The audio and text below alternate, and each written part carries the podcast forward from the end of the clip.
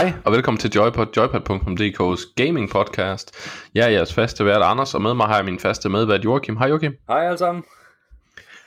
I dag har vi rigtig mange spændende ting til jer. Vi skal snakke om, vi skal anmelde Atelier Sophie, som er et øh, japansk rollespil, og vi skal anmelde Keyforge, som er et kortspil, et fysisk kortspil. Og med det, så kan jeg lige så godt nævne, at for fremtiden, så begynder vi at anmelde brætspil også. Det kommer ikke til at skære i mængden af konsol- og PC, øh, PC-spil, vi dækker, men det er egentlig bare noget, vi tilføjer for at, at have lidt mere forskelligt. Øh, fordi vi kan begge to rigtig godt lide brætspil, og vi synes, det kunne være interessant at tilføje det. Så vi har dækker begge hobbies. Øhm, Joachim, Ja, hvad har du spillet i den her uge? og jeg har været i gang med min anmeldelse af Just Cause 4, som jeg skal have skrevet nu her. Øhm, ja, så den kommer snart op på Joypod, eller Joypads øh, hjemmeside, joypad.dk. Ja. Så det kan I se frem til. Ja, jeg har været i gang med Spyro-trilogien, som øh, også, øh, den anmeldelse kommer her i løbet af weekenden. Ja. Og så er jeg været i gang med øh, selvfølgelig Atelier Sophie og Keyforge. Øh, Keyforge havde jeg spillet en del inden, men jeg skulle lige friske det op her til, til anmeldelsen. Og så Atelier Sophie har jeg spillet rigtig meget. Så er jeg i gang med noget, der hedder Cuba Libre, som er en, et øh, wargame, også et brætspil, som øh, Det synes jeg, du har Simulerer. snakket en del om øh, på et tidspunkt. Det der Ja, Libre. det, det øh, simulerer øh, revolutionen i Cuba, hvor Fidel Castro kom til magten. Øh, og det er dem, der har læst min anmeldelse af Falling Sky og Pendragon inde på Joypad, så er det øh, i samme serie. Øh, det bruger lidt samme system, øh, og, øh, men det, det er meget, meget mere simpelt. Så det, så det, men det kan I læse meget mere om i, i anmeldelsen. Den kommer i løbet af næste uge. Øh, og så ved jeg, at vi har nogle lidt spændende ting på vej. Jeg får blandt andet øh, Kingdom Hearts 3 på et tidspunkt, som vi også får lov at anmelde på siden, så det bliver spændende. Øh, og så er der lige nu ligger der på hjemmesiden en anmeldelse af det nye New Super Mario Bros. 2 til Switch, som Asmus har anmeldt. Ja, det er jo sådan set det. Ja. Øh, skal vi ikke bare hoppe? Vi har en hel del nyheder, vi skal igennem. Skal vi ikke bare hoppe direkte ind i dem? Lad os gøre det. Den første nyhed, det er lidt omkring, øhm, lidt til en fortsættelse af sidste episode, hvor vi har omkring øh, Activision og Destiny's, eller ikke Destiny, Activision og Bungie's split. Øhm, hvis, man, hvis man kigger lidt på øh, kontrakten, øh, og det er der en, en, øh, en gamer og advokat inde på YouTube, der har været inde og kigge lidt på, og øh, vi skal nok linke til hele videoen, det er ret interessant. Men det han øh, blandt andet kommer ind på her, det er, at hvis ikke kontrakten er blevet slettet, men man simpelthen bare, fordi kontrakten, som de havde med hinanden, åbner faktisk op for et split. At man kan gå fra hinanden. Øhm, men hvis de har fuld kontrakten ved det her split, og det kan måske forklare, hvorfor Activision gik med til det, så vil Activision have nogle rettigheder på et eventuelt Destiny inden for de næste to år. Bum. Øh, og det samme gælder, hvis der kommer nogle store expansions og lignende til Destiny 2, så har Activision muligvis nogle ting at skulle have sagt der. Ikke i forhold til den kreative del, men øh, kan eventuelt få lov at, at få noget afkast i forbindelse med publishing, eller hvad det er. Øh, hvordan det helt præcis hænger sammen, det er lidt indviklet. Øh, jeg vil foreslå, at I ser videoen, men det kan også være, at de har i splittet valgt at simpelthen at rive kontrakten i stykker, og så, det, så kommer det ikke til at få nogle indvirkninger på øh, de næste to år, men, men øh, Ja. så frivilligt som Activision gik med til splittet, så har jeg min, mine anelser. Men, men det er i hvert fald interessant at, at, at se den. Tag og se videoen, øh, hvis I er Destiny-spillere og gerne vil vide øh, lidt mere om det her. Øhm, samtidig så har splittet ført til, at Activision er kommet under undersøgelse for børssvindel. Og det korte og det lange er, det er, at Activisions investorer er utilfredse med måden, det blev øh, bekendtgjort på. Øh, for det der skete, det var, at ud af ingenting nærmest, så kom Bungie og, og Activision og meddelte offentligt, jamen nu har vi splittet, og Bungie har fået publishing rights til Destiny øh, selv. Og normalt vil man jo få det at vide i god tid, altså så vil investorerne blive informeret og sådan noget, så de kan nå at reagere. For der er højst sandsynligt, de vil nok højst sandsynligt en del af dem sælge nogle aktier og så videre, fordi det, det der skete, det var, jamen da den her nyhed kom ud, jamen så styrkdykkede øh, Activisions aktier. Ja, det, og det er jo klart, det er jo... At sige til, kan man, det er jo ikke noget at sige til. Øh, så. Nej, det er jo en kæmpe IP, de har mistet jo. Ja, det er det. Øh, så, så der er noget undersøgelse der. Ja. Øhm, vi, vi er ikke over i insider trading, men det kan potentielt være en form for børsvindel. Øh, men eftersom det ikke er Bungies investorer, så bliver de ikke påvirket af det. Altså det er kun højeste Activision, der kan få nogle reprimander ud af det her. Mm-hmm. Så det er en lidt spændende situation øh, at følge.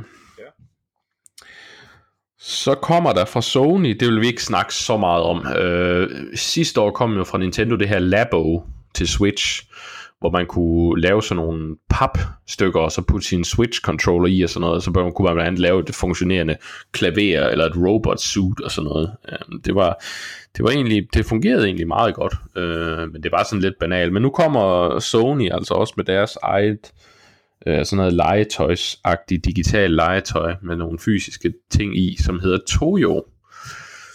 Og indtil videre ved vi ikke så meget om det, men, men det bliver interessant at se. Jeg kan godt lide, når de her store øh, udviklere, de, de leger med, med, med nye ting og, og prøver noget nyt uden for bare gængs konsol øh, verden.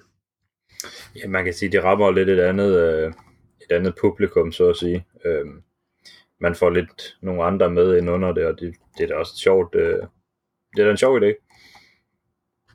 Det bliver i hvert fald spændende at se for mig, synes jeg. Jeg synes altid, det er spændende at se, hvor robust det her er, og, og hvorvidt øh, almindelige mennesker kan begynde, eller almindelige mennesker, men folk, der er dygtige til at programmere og sådan noget, kan begynde at lave interessante ting med det.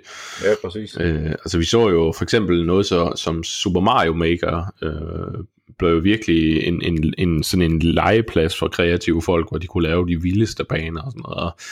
Og det her, det er jo så, har jo en fysisk komponent. Man havde også håbet lidt, at Labo kunne føre til, at folk kunne lave nogle interessante ting der. Der var også nogen, der prøvede, men jeg, jeg ved ikke om, jeg tror ikke, jeg tror ikke, at systemet var robust nok til, at det kunne gå for meget ud, uden om de, de ting, som Nintendo selv havde udviklet til det, desværre. Men vi må se med det her Toyo, det bliver spændende i hvert fald. Ja, helt sikkert. Så har Ubisoft været ude og undskylde for en ny DLC til Assassin's Creed Odyssey, hvor og nu kommer der en spoiler, så hvis du ikke vil spoiles for Assassin's Creed Odyssey, så tag lige og, og hold dig i ørerne i 10 sekunder. Spoileren kommer nu. Den kommer nu. Spoileren kommer nu. Hun får et barn. Cassandra. Eller Alexios. Eller hvad hun taget.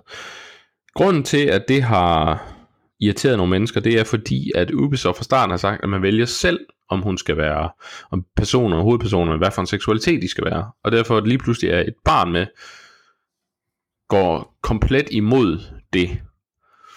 Så der er nogle spillere, der føler, at de er lidt blevet snydt.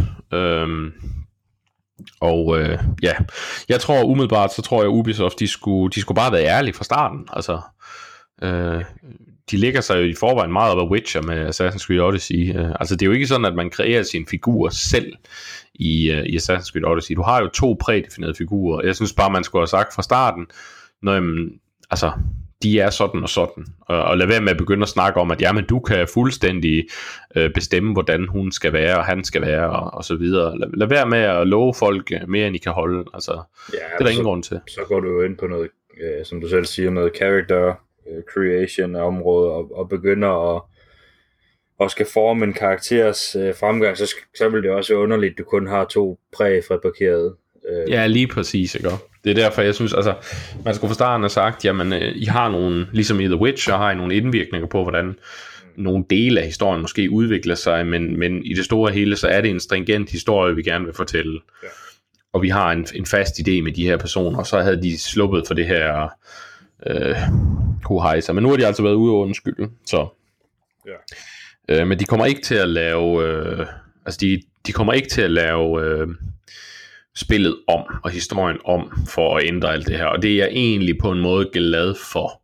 Jeg kan godt forstå, at folk er frustrerede, hvis de op i deres hoved havde forestillet sig personerne anderledes, men men jeg er lidt nervøs for, hvis en, et spilstudie skal til at lave en, en historie og en baggrund for nogle øh, hovedpersoner så meget om, jamen, og, og de så kommer under tidspres, øh, jamen, hvad, hvad ender vi så med? Altså, hvad, hvad ender vi så med for en halvhjertet historie? Så det, det ja. ja.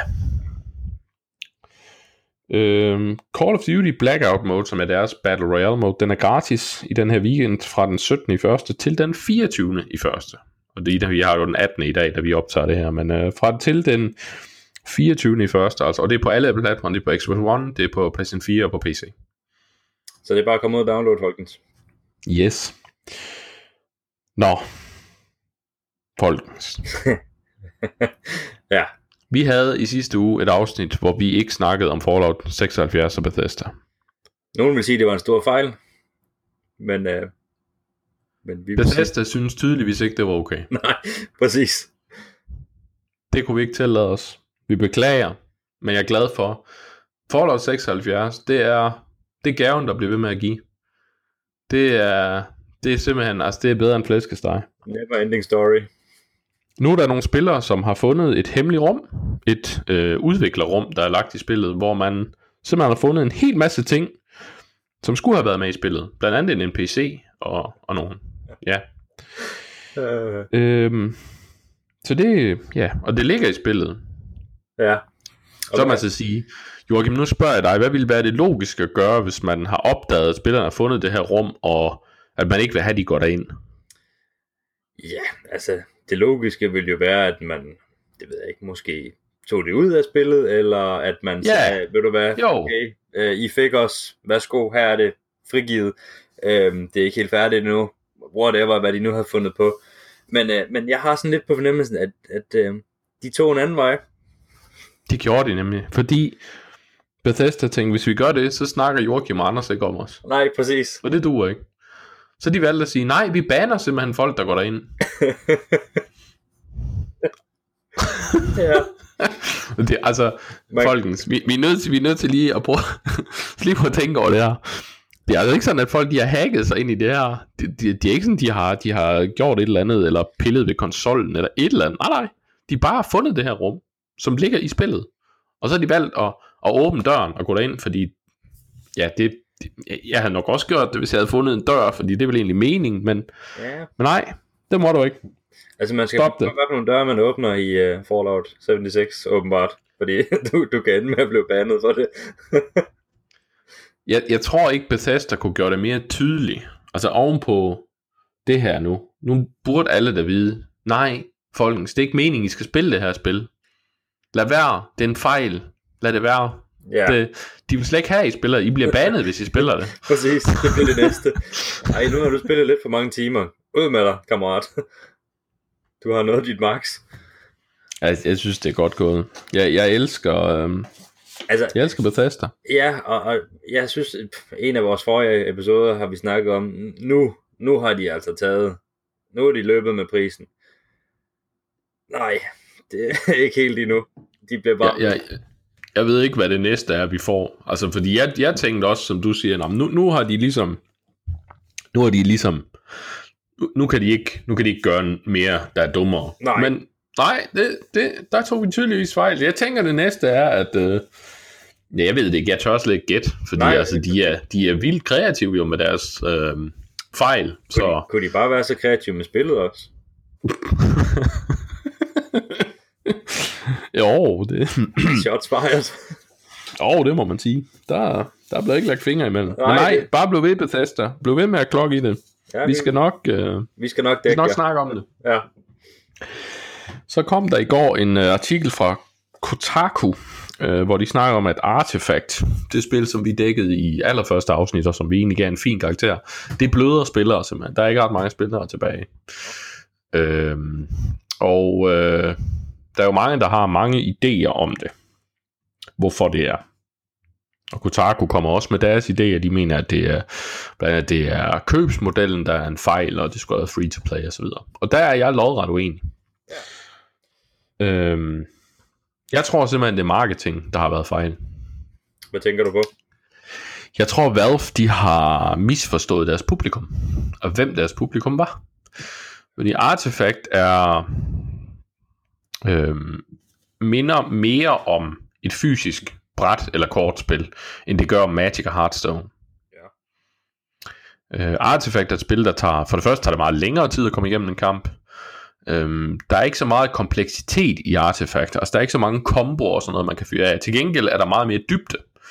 Og det er der på den måde, at, øhm, at for eksempel er der tre lanes, det vil sige, hver gang, og dine heroes er direkte forbundet med dine ressourcer til at kunne spille kort. Så det vil sige, hver gang du placerer en hero, jamen, så er du nødt til at tænke, hov, hvordan påvirker det ikke bare den lane, jeg er i her, og ikke bare den, den, den livstotal, jeg har her, men hvordan, hvad med de andre to lanes? Øhm, så du har, du har hele tiden tre gange så mange plader, du skal fokusere på.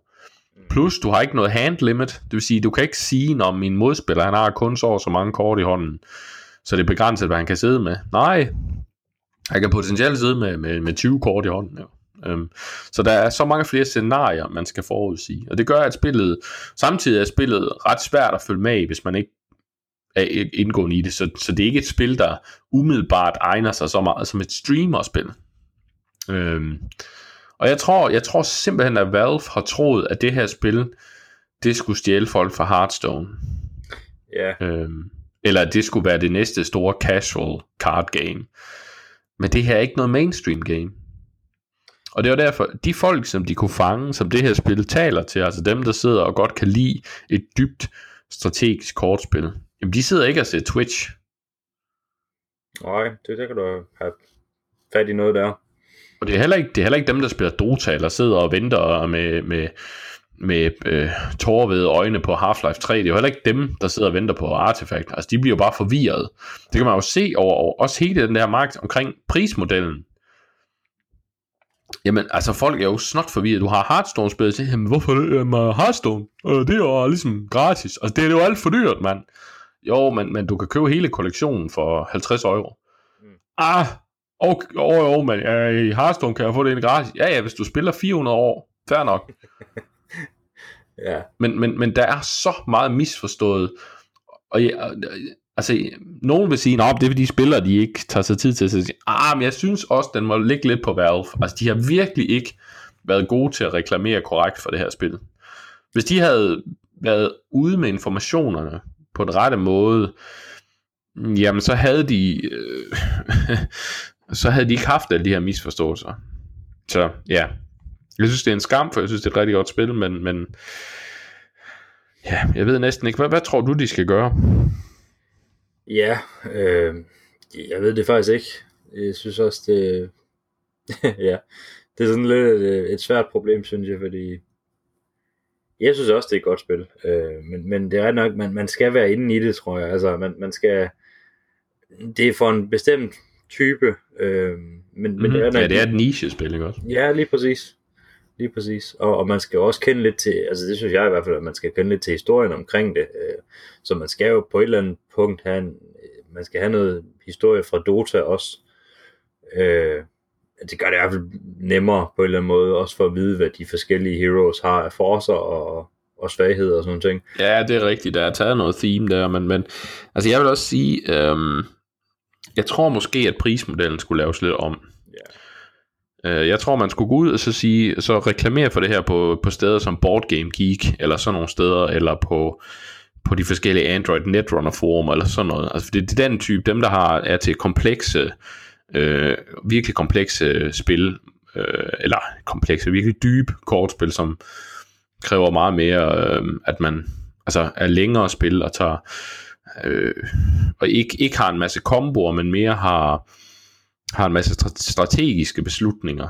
Ja. Øhm, og det er altså et andet publikum. Øh, det her Artifact vil aldrig blive et mainstream hit. Altså det, det, det, det er det simpelthen for, for, for vanskeligt at, at sætte sig ind i, og for langt. Altså en kamp er for langt til, altså det er jo ikke sådan, man kan sige, ligesom i Hearthstone, når du siger, nu går jeg lige ind og tager en 5 minutters kamp, ikke? nej, nej, det kan du ikke i Artifact. Altså, det er nogle længere kampe.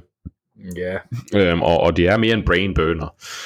Øhm, og det vil sige, at, at jeg, jeg tror simpelthen, de skulle lave det om, så de siger, øhm, du giver 20 år, de kan godt holde prisen, det vil sige, at du giver 20 euro for eksempel, og så har du alle kortene.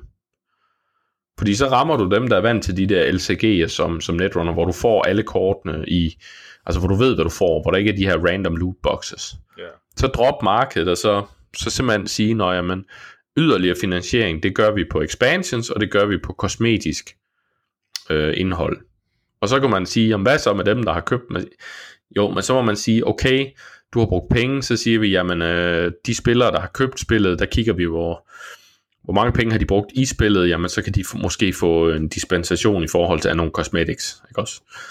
Øhm, og, og, og, så tror jeg måske, du kunne, du kunne og, så, og så skal man virkelig ud og reklamere til, de, til, til, til den nichegruppe, der er til det spil.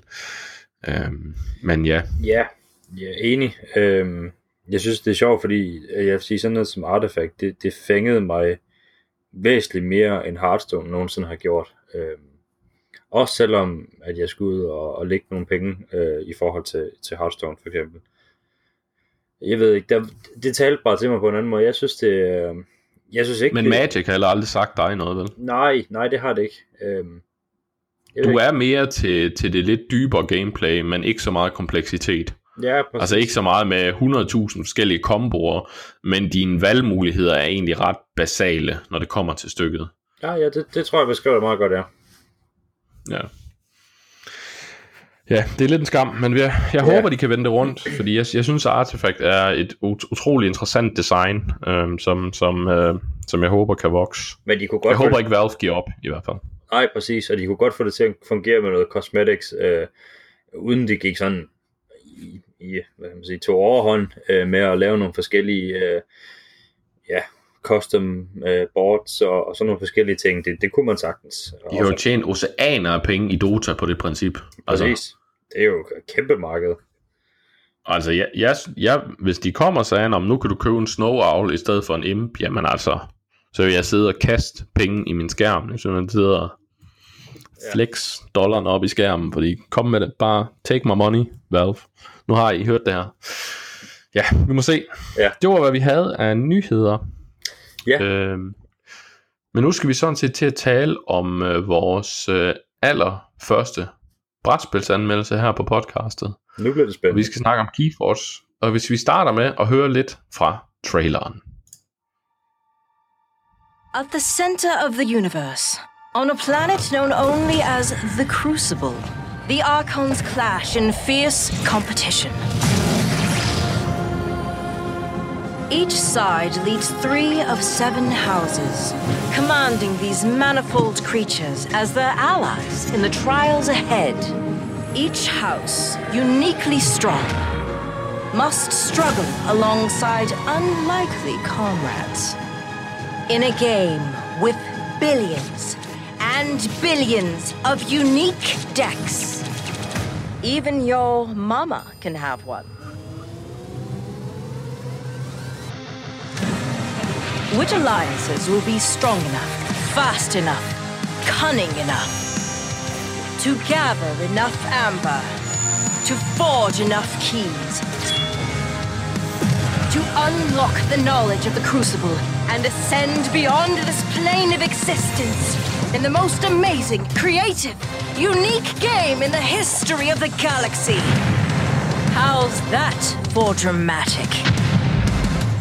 Key Forge.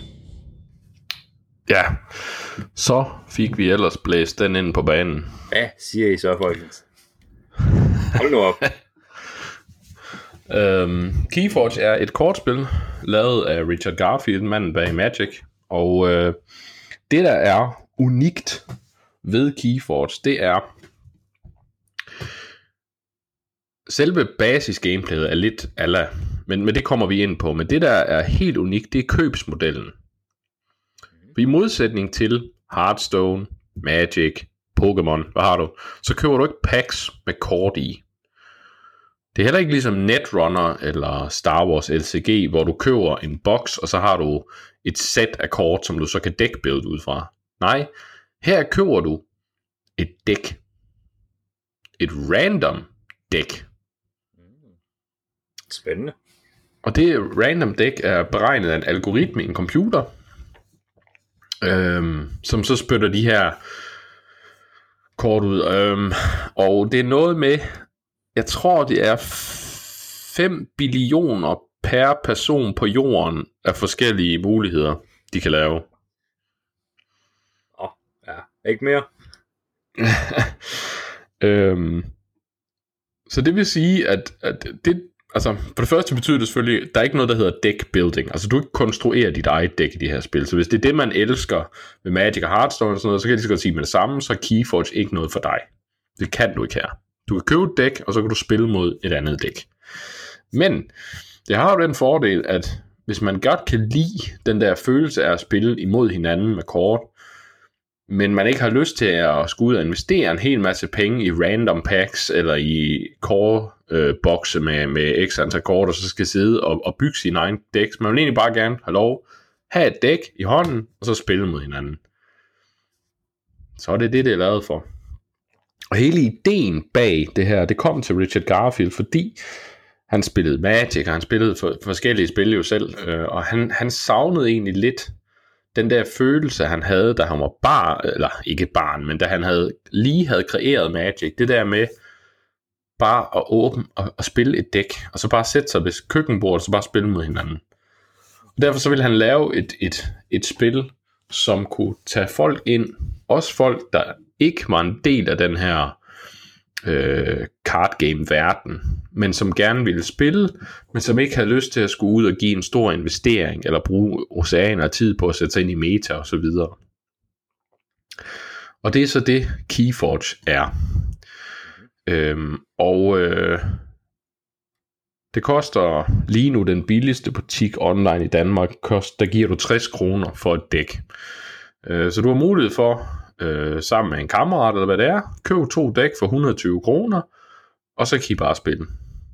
Så skal I så bruge nogle tokens og så videre, men det kommer vi ind på. Man kan også købe et starter-sæt for omkring 250 kroner, hvor man så får to starter-decks, som er faste, og dem bruger man egentlig til at lære spillet. Og de er sådan 100% balanceret op imod hinanden. Og så er der to unikke decks ekstra. Og der er altså ikke nogen decks ud over de her to starter decks, der er, der er ens. Altså alle decks, du køber, er unikke. Øhm, det er selvfølgelig forskel på, hvor stor variation der vil være imellem dem. Nogle af dem, der vil der måske være en eller to kort kun til forskel, men de er unikke hver især. Øh, det jeg synes har været imponerende ved at købe de her decks, øh, det er, at hver dæk har faktisk føltes lidt som om det havde et tema alligevel, selvom de er random generated. Øh, og, og det synes jeg faktisk er lidt interessant. Øh, men men øh, lad mig prøve at snakke lidt om Keyforge som spil. I Keyforge, der har du hver øh, et dæk, som sagt, og det dæk står af tre huse. I alt er der syv såkaldte huse, som er sådan nogle klaner, øh, og, øh, og de har sådan nogle kort i sig. Og hver dæk består altså af et sæt af kort fra hver, øh, fra en, fra tre af de syv klaner. Det, det handler om i Keyforge, det er ikke ligesom i Magic og Hearthstone øh, at, at slå dine modstandere ihjel. Men tværtimod, så skal man øh, generere keys ved at samle sådan noget, der hedder Amber.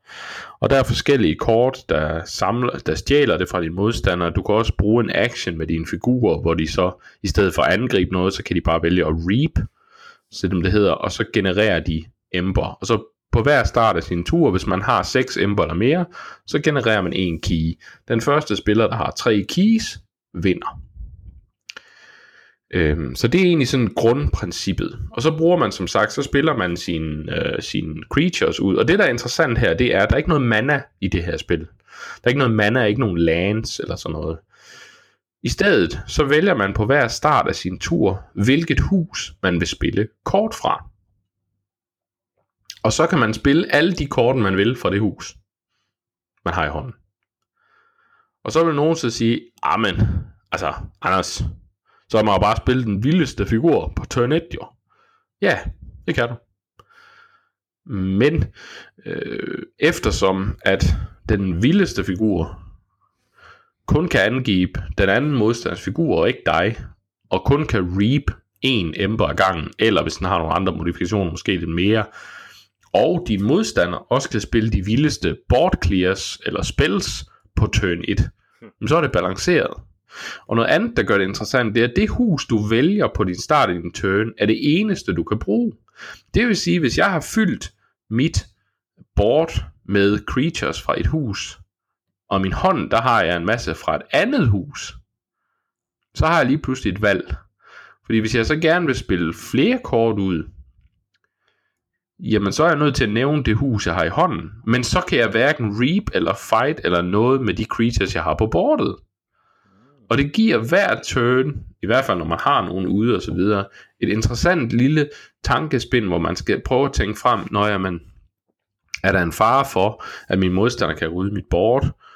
Har jeg nok ember? Skal jeg reap nu? Skal jeg fight mod hans creatures? Jeg har godt nok det her kort, der virkelig vil hjælpe mig lige nu, men så låser jeg ligesom for hele mit board, så har jeg brug for at spille det, og det, er, og det fungerer rigtig godt.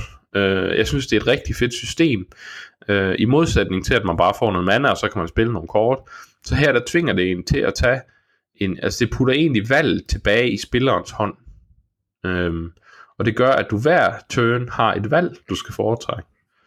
Og, og det synes jeg, det fungerer virkelig godt. Det er rigtig sjovt. Um, det lyder også rigtig spændende, at man, man hele tiden skal sidde og, og have den der indre kamp om, jamen, skal jeg søge efter øh, midlerne for at vinde, eller, eller skal jeg søge efter midlerne for at ødelægge det for den anden i den her ja, lige runde? præcis. Det lyder, det lyder rigtig spændende. Øhm, og det der så er ved det, det er, at de her forskellige huse er også meget unikke i deres, øhm, hvad hedder det, i deres øh, setup og hvad de kan. Øh, og jeg kan nævne de forskellige huse her. Øh, dem kan vi tage øh, med det samme. Øh, der er som øh, følger. Der er Brobnar, som er sådan nogle sådan en slags Space Vikings. Det hele foregår i ude i, i space. Altså, tematikken er, at man er sådan nogle store archons, der skal styre nogle verdener. Det er lige meget. Altså, det, ja, det, det er bare nogle figurer. Altså, det har ikke nogen indflydelse på, på selve Nej, spillet. det har det virkelig ikke. Altså, jeg ved godt, de har skrevet noget historie og sådan noget, men det kan man overhovedet ikke mærke i spillet. Altså, Mm.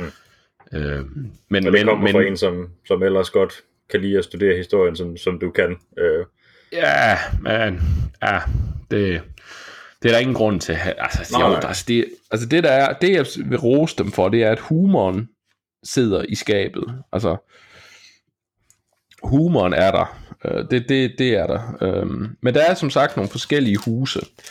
Øh, blandt andet så har vi noget, der hedder Sanctum, som er sådan nogle, altså vi havde Brobnar, som er sådan nogle Space Vikings, som er rigtig gode til at kæmpe. Øh, de vil rigtig gerne destruere de andre creatures, øh, og har nogle komboer der. Øh, og det er typisk, og det, de kan typisk også ha, have nogle bonusser, hvis de angriber flanken, altså de yderste. Og det vil sige, og det er et andet element, som Keyforge gør lidt specielt i forhold til Magic for eksempel. Du skal tænke over, hvor du placerer dine heroes meget mere, fordi du kan virkelig skade dig selv, eller styrke dig selv ved at placere dem på flanker i midten osv. Også måden taunt fungerer på i det her spil, jamen det er kun øh, figurer ved siden af den, der har taunt, som den taunt, og ikke alle. Så det vil sige, at man skal igen se, tænke fremad, jamen de næste 2, 3, 4 turns, hvordan vil jeg placere mit board? Fordi når en af dine creatures dør, jamen så rykker dine figurer sig sammen, og så har du lige pludselig et helt nyt board state med nogle helt nye situationer. Øh, men vi havde som sagt Brobnar, vi har Sanctum, som er en slags Space Paladins.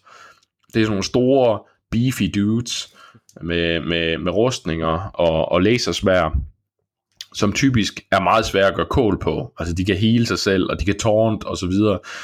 Så typisk så vil det være sådan, om du har, jeg har en hel her ude af, af beefy sanctums, og nu reaper jeg bare og tager ember hver turn, og hvad vil du gøre ved det, mester? Og så kan det være, så være, at den anden han er Brobnar, og så smider en bombe og slår alt ihjel. Og så er det...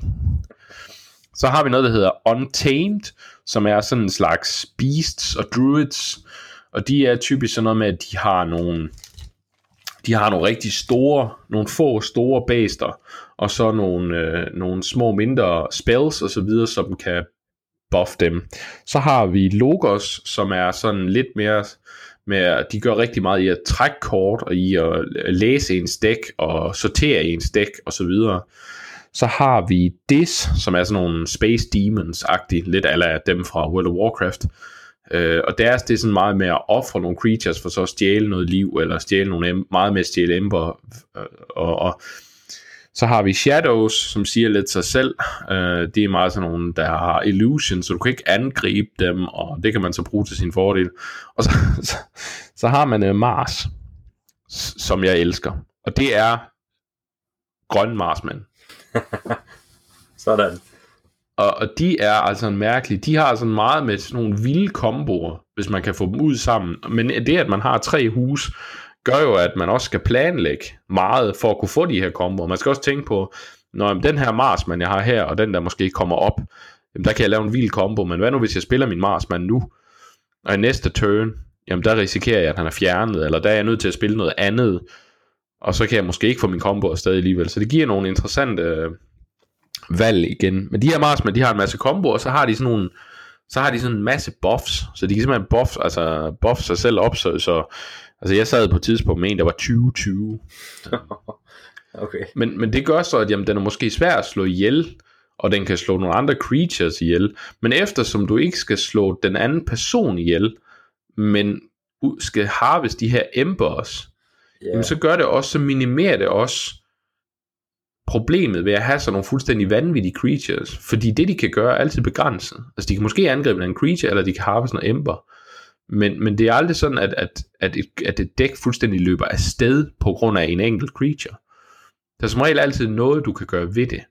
Og det, det synes jeg faktisk fungerer øh, det lyder som rigtig, en, det lyder som en interessant tanke, det der med, at jamen, det kan godt, altså, det er ikke, ikke nødvendigvis en fordel at, at overbuff øh, et eller andet creature, øh, fordi, jamen, som du selv siger, det er begrænset, hvad du kan, hvad du kan udrette, når, det så, når du er kommet derop til.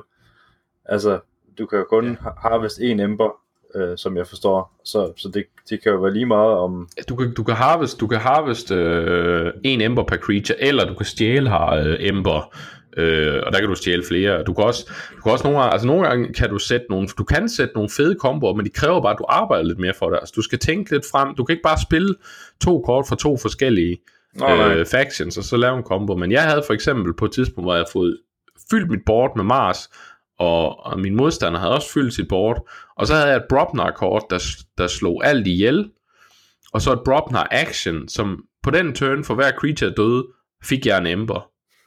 Så der fik jeg, jeg tror det var 14 ember på et turn. Ikke? Altså, men det der så er interessant, det er jo som sagt, du kan kun, ha- du kan kun forge en key per turn. Mm. Så selvom, så hvis man kiggede på det der, så ville man, nu har du jo vundet kampen. Nej, fordi hvad nu, hvis min modstander så kan spille 3-4 kort, der stjæler 2-3 af gangen fra mig, ja, ja. Jamen, så er det hele lige pludselig vendt om igen. Og det er hele tiden meget sådan back and forth. Altså jeg føler aldrig, jeg har aldrig følt i spillet, og det var egentlig rart, at der var en turn, hvor jeg ingenting kunne. Altså hvor jeg bare sagde, om det var så det. Øhm, der er altid et eller andet valg, du kan foretrække, foretage, og, og det fungerer rigtig godt. Og gameplayet er meget egentlig, meget simpelt. Øh, der er en hel del keywords, man lige skal lære osv., men selve hovedgameplayet er meget simpelt at forklare, og det er nemt at tage to decks og sætte op og spille. Og det, øh, ja, det fungerer rigtig godt, og det er sjovt, og det er, altså, jeg, jeg nyder det øh, en gang imellem lige at tage et, et, et dæk ud, og så, så bare øh, to dæks ud, og så bare spille. Ja. Men, nu kommer vi så til det.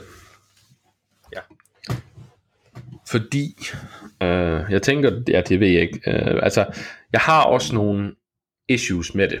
Ja. Øh, inden, altså, det, ja, jeg ved, jeg, øh, inden vi kommer til, hvad, jeg, jeg synes, jeg kan, det kan være, at du sidder med et spørgsmål, eller... Ja, nej, men jeg, ja, det kommer an på, hvad du har tænkt på at, at, at sige nu. øhm, du har tænkt på at, at snakke lidt om, om nogle issues, kan jeg, kan jeg lidt forstå. Øhm, ja. Jeg sad og tænkte lidt på, om, om, om det er sådan... Altså, det selvfølgelig handler det jo om, at du kæmper mod hinanden, men, men er, det, er det sådan casual? Er det, er det noget, man kan sidde og hygge sig med, uden at det bliver sådan alt for konkurrencepræget, eller hvad, man skal sige? Øhm. Ja, så her er en af delene, som vi skal ind på, det er hyper casual. Okay. Og det er det af den årsag, at som nævnt, så er alle decks unikke og random. Og selvom målet er, at decks skal være, øh, skal være balanceret mod hinanden, så kan det ikke lade sig gøre. Ikke når du har, og, og det har allerede vist sig, der er nogle decks, man har, der er en online side, hvor man, hvor, hvor man også kan, kan, hvor der er nogen, der har sat det op, hvor man kan spille de der decks og sådan noget. Øhm, Og, og der kan man allerede nu se, at der er helt op til 70-30% forskel i win rate mellem nogle decks. Øh, Så det vil sige, at vi har en, en, en, en, en, en, en rigtig stor øh, form for polarisering der. Og allerede det gør, eftersom du køber et dæk øh, random, og du ingen indflydelse har på, hvad der er i det dæk. Altså det er ikke sådan, at jeg kan spille mod en, en, en modspiller, og så sige, okay, han har nogle kort her, dem vil jeg egentlig gerne sørge for, at jeg kan slå med mit dæk, så nu, nu ændrer jeg nogle små ting i mit dæk, så jeg er klar til næste kamp. Det kan du ikke. Altså, du kan ikke ændre i dæk, de er som de er. Øhm, det er sådan nogle forslag i reglerne til, hvordan man kan ligesom nerve sin dæk. Der er noget, der hedder chains, som også går igen i nogle kort. Og det, en chain, det er jo, højere, jo flere chains du genererer, jo færre kort trækker du, Nå, når din, øh, øh, når din tur slutter. Det er en anden ting. Øh, man trækker kort, når turen slutter, i modsætning til, når turen starter. Og det gør faktisk, at man kan faktisk sidde med de her kort på hånden og tænke fremad og planlægge. Altså det her spil handler meget om at planlægge frem i tiden. Det kan jeg så rigtig godt lide. Øhm, men det der gør, det er, at dækkene er så random. Det vil sige, at, at og, og, og det der med at bare at bygge en masse chains på et dæk, så man nærmest ikke trækker nogen kort, det, altså det er lidt en kedelig, et kedeligt fix, og det fikser heller ikke for alvor. Fordi du, du kan ikke, det er ikke en rigtig form for balance. Altså det, det bliver sådan lidt skævt på en måde. ja, det er lidt det samme Fordi du, du fjerner egentlig bare muligheden for at spille spillet, og det er ikke det er aldrig en, en det er aldrig en tilfredsstillende måde at balancere på. Nej, det er lidt ligesom at sætte en begrænsning i en bil eller en knaller. Det, det giver, altså, når, det, når den kan udnytte sit fulde potentiale, hvorfor skulle man så begrænse det? Øh, Ja, lige præcis. det virker lidt dumt. Øh, så derfor øh, så derfor fungerer det ikke som sådan et hyper competitive spil. Øh, der er også lige kommet den næste store øh, Fantasy Flight, som udgiver spil, deres næste store turnering. Øh, der er der ikke nogen Keyforce turnering. Så jeg tror, at de er ved at være klar over, at, at det her, det, altså, du kan ikke lave en stor million turnering med det her spil. Det kan ikke lade sig gøre, fordi øh, du, du kan, altså det duer ikke. Du, du risikerer jo, at en mand, han, har, han er heldig at få det her dæk, der bare slagter alle andre dæks. Ja. Og, og så har han bare vundet. Ja, altså- så er han sådan set selv sagt til, til sejren, øh, og ikke så Ja. meget. Og så ved jeg godt, at så har de lavet den regel, at til nogle turneringer, hvis folk selv er, de, laver nogle turneringer rundt om nogle mindre, øh, jamen hvis man vinder x antal turneringer, så bliver ens dæk banet. Mm. Men det er jo heller ikke tilfredsstillende. Altså, Nej, det er om jeg har det her dæk, jeg er rigtig glad for at spille, og jeg ved godt, jeg vinder med det, men jeg elsker at spille det. Jamen det må du ikke mere. Nu må du købe et nyt. Nu er du simpelthen nødt til at gå ud og bruge flere penge. Ej, det er Øh, nej, okay.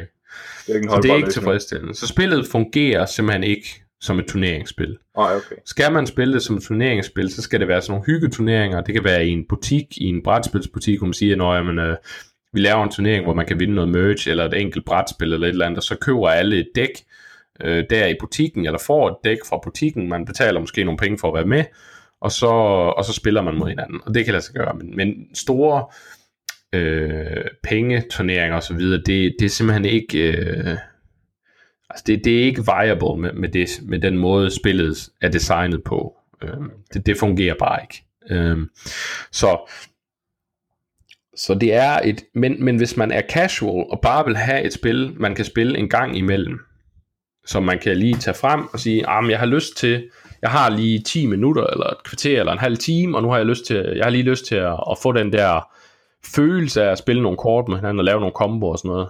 Det fungerer det fantastisk til. okay. Eller hvis man siger, at vi, vi sidder, og vi er nogle gutter, vi har en hel bunke decks, så nu laver vi vores egen lille hyggeturnering. Fantastisk. Fungerer rigtig godt, det er sjovt. Det er så godt, et og jeg håber Fantasy Flight, de bliver ved med at, stø- øh, at lave nye ting til det her spil, fordi bare til hjemmebrug, der er det helt fænomenalt. Altså det er ikke et spil, jeg kommer til at spille hver dag og mange timer om dagen. Det er det simpelthen ikke dybt nok til. Øh, det er et meget casual spil. Det er på Hearthstone-niveau i, i dybden. Men, eller det er lidt dybere, fordi du skal tænke på, på nogle flanker og så videre. Men, men jeg synes, jeg synes ikke, at, altså, der er ikke dybde nok, og eftersom du slet ikke har noget dækkonstruktion eller drafting eller noget, jamen så er replay-valuen, den er lidt lav. Øh, Ja. men til at tage det frem en gang imellem og tage et par kampe, der er det fremragende. Øhm, Så det er Så- sådan et, øh, et must-have i en, øh, i en samlers, øh, ja, samling. Ja, jeg vil sige, altså hvis man, hvis, hvis man gerne vil have, hvis man, godt kunne tæ- hvis man godt kan lide en gang imellem at få den der følelse af at spille nogle kort mod hinanden, ja. sådan et, et, et battle card nærmest mod hinanden, men man gider ikke at skulle ud og investere en hel masse, eller skulle studere meta, eller sidde og konstruere decks, jamen så er det fantastisk. Ja. Fordi du har, du har så lav en, en, en, et, indka, et, et, et, et så lav en, en indgangskapital, øh, du skal bruge for at kunne være med i det. Altså du køber to decks, eller du kan købe startersættet. Øhm, og, og det bringer mig egentlig lidt ind til mit næste problem med spillet, og det er komponenterne. Hvad, hvad vil du anbefale, at man gjorde som, som helt casual spiller? Øh, Starter pack eller, Ja, eller to decks? jeg har ikke lyst til at anbefale starterpacken, men jeg bliver næsten nødt til det alligevel. Okay. Ja, det, Øh, det er starterpack, starterpacken kommer jo med de her to øh, prædesignede, balancerede decks op imod hinanden. Ja. Og de er et rigtig godt sted at starte. De, er, de har ikke de vildeste komboer, men de er sådan meget banale i deres setup. Men de introducerer en ret godt til de forskellige ting, der er i spillet. Okay. Samtidig så får man med startersættet, så får man jo også, ud over dem, så får man to unikke decks. Så du har allerede fire decks, der er at gå i gang med. Og man får så de her sådan nogle tokens og så videre, som man skal bruge til at, til at, så man kan se, hvor mange keys man har, og til ember og så videre. For ellers så skal man jo have fat i nogle terninger, eller selv nogle tokens et eller andet sted, for at holde styr på, hvor mange ember og sådan noget. Ja, ja. Det er rart nok at få. Øhm, og kvaliteten af dem er fin. Det eneste, der undrer mig lidt, som nævnt før, så kan man buff sine creatures, og man kan også blive stunned, og et stun i det her, det vil sige, at, at øh, så kan den figur, så skal man først aktivere den og fjerne stunnen, før man så igen i næste runde kan aktivere den og bruge den til noget. Wow. I stedet for at lave de her plus 1, plus 1, eller minus 1, minus 1, eller øh, stun effekter som to, små tokens. Nej, det er kort. Nå. Og det er super fedtligt at sidde med. Jeg nævnte, jeg havde en 2020, så jeg havde et kort, hvor under der var 19 plus 1 plus 1 kort i en bunk. Altså, det, det er så dumt lavet. Øhm, og, og- og hvorfor de har valgt det, det giver ingen mening. Især ikke fordi, altså, de har damage tokens, altså skade token og, og ember tokens. Dem har de givet med, og de er fine. Altså, det er sådan nogle små pap tokens. Det fungerer fint. Men af en eller anden årsag, så har de valgt at sige, nah, men stun og, og modifikationer til, til, til stats, jamen det, det, det skal være kort. Det, det er så åndssvagt Ja, det og giver det ikke er så mening. irriterende at sidde og fedt rundt med. Altså, det, det er virkelig dumt. En anden ting, og det her, det er mit store ankepunkt. Den her bog her, som du, du ja, I lytter, I kan ikke se den, men Joachim kan se den. Der er sådan en lille quick start guide med. Og jeg ved godt, det er normen, hvis du køber et set Magic eller Pokémon, jamen så er der en lille quick start guide med. Men det er okay i de spil. Det er ikke okay i noget, der stammer fra brætspilverdenen, på, som på den her måde. Keyforge. Du skal have et helt sæt regler med. Det er klart, at du kan ikke lave et helt sæt regler til Pokémon og Magic, fordi de har så mange expansions og så videre, så der er så mange ting, du ikke kunne fylde ud, og der er man nødt til at gå online. Men her, Keyforce, det er altså startsættet, det her allerførste sæt. Så meget er der ikke i det. Og den Quick Start Guide, der er så mange dele af reglerne, den ikke har med. Det vil sige, at du sidder i din første kamp, og så møder du, så møder du en term på et kort, og i modsætning til Magic, hvor på Magic-kort, der skriver de jo ved siden af termen, hvad det her det gør i parentes. Det gør det på nogle af kortene, men ikke på alle kortene. Så du møder en, en, en mærkelig term som Omni eller et eller andet, og så tænker man, øh, Omni, hvad betyder det? Nå, men jeg slår da lige op i reglerne. Nå nej, der er det heller ikke. Nå. De har ikke engang puttet en lille liste med de forskellige termer, hvor lige var en forklaring. Det er simpelthen, der skal man gå online på deres hjemmeside og downloade hele regelsættet. Wow. Det mindste, det var der en lille øh, liste med de forskellige termer på kortene. Eller at man på kortene i det mindste havde skrevet, hvad det gjorde. Ej, det kunne man godt have gjort. Det vil jeg også sige. Det, det, det kan ikke passe, at man skal, man skal til at hoppe på nettet. Tænk nu, hvis du var taget ud i sommerhus øh, et eller andet sted. Der var ikke noget internet, fordi sådan var det i sommerhuset. Så sidder du her og vil gerne spille Keyforge. Du har lige købt det, taget det med ud. Øhm, hvad gør du så? Bum, så ved jeg godt, så har man sin telefon, men igen, hvis dækningen Jo, jo, men er- stadigvæk, du kan jo risikere, at nettet er dårligt også der jo. Præcis. Øh, så er man jo sådan lidt på den, fordi så ødelægger det jo lidt, også, det ødelægger også lidt spilleglæden, at du skal sidde lige pludselig og tage din telefon frem og sidde, åh, nu skal jeg lige finde ud af, hvad gør det her kort. Ja, lige præcis. Lige præcis. Det, det, det er så åndssvagt. Det er så dumt. Det ødelægger hele, øh, ja, det er virkelig grotesk, at man... Og, og det er et problem, jeg nogle gange har med fan, f- Fantasy Flight. Det virker nogle gange lidt som om, de siger, hvor kan vi spare henne? ja. Frem for at tænke, hvordan giver vi vores købere en fuldstændig oplevelse. Altså det, det er så grotesk en fejl, og jeg kan slet ikke, jeg kan slet ikke få ind i mit hoved, hvordan det kan være gået igennem playtest og så videre. Man kan sige, øh, folkens, øh, hvordan spiller jeg det her? Det står jo ikke i reglerne. Altså det, nej, det er virkelig, det er virkelig dumt. Men alligevel, så vil jeg stadigvæk sige, at man får value for money i startsættet, øh, og, og det, det er et rigtig godt sted at starte, især hvis man er helt ny til, til brætspil måske, og så siger man, det her, det kan godt være, at du sidder derude som lytter nu og tænker, okay, det her, det lyder lige præcis som noget for mig, jeg kan egentlig godt lide Magic og så videre, men, men hvis jeg skal spille det ved, ude ved køkkenbordet sammen med en kammerat eller andet, jamen så skal vi lige pludselig ud og investere i en masse booster packs og alt muligt, og det bliver alt for bøvlet. Så, så køb sådan en startpakke, der har du rigtig meget at spille for pengene sådan set. Og det er rigtigt, altså det er sjovt. Øhm, det vil jeg sige.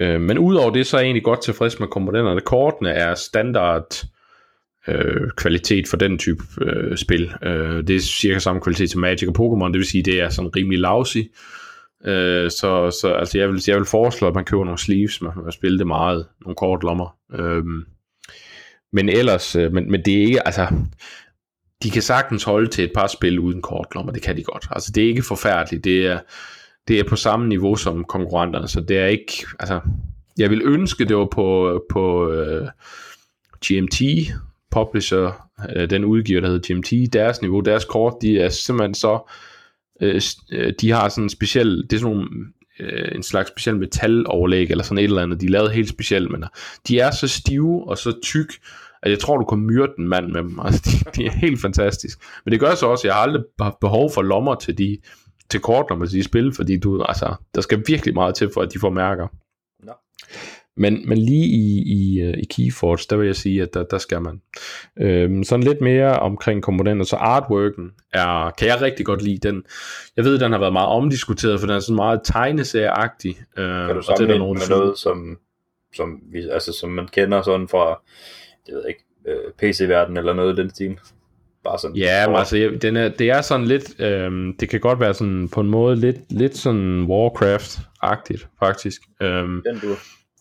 Star, uh, Heroes of the Storm er måske egentlig et godt valg uh, at forklare det. Uh, det er meget, uh, det er meget sådan karikeret tegneserieagtigt, uh, og det er der nogen, der ikke kan lide. Altså, der er nogen, der foretrækker den lidt mere dystre stil for Matic. Jeg kan rigtig godt lide stilen i Keyforge. Jeg synes, det er nogle flotte tegninger for det første. Altså, de er virkelig godt lavet, og de, det er nogle meget farvelagt. Altså, og, og det vil sige, når det ligger på bordet kortene, så springer de ind i øjnene.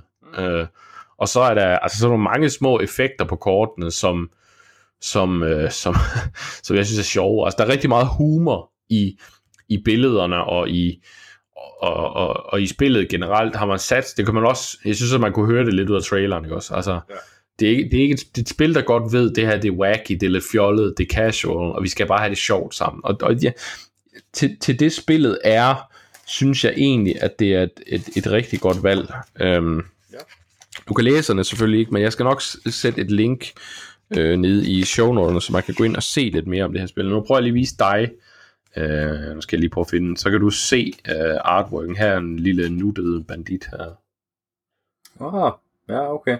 Og det er den stil, der er. Øh, altså det er meget sådan sjovt, lidt nuttet, lidt fjollet. Ja. Øhm, noget, de skal have stor ros for, det er det grafiske design.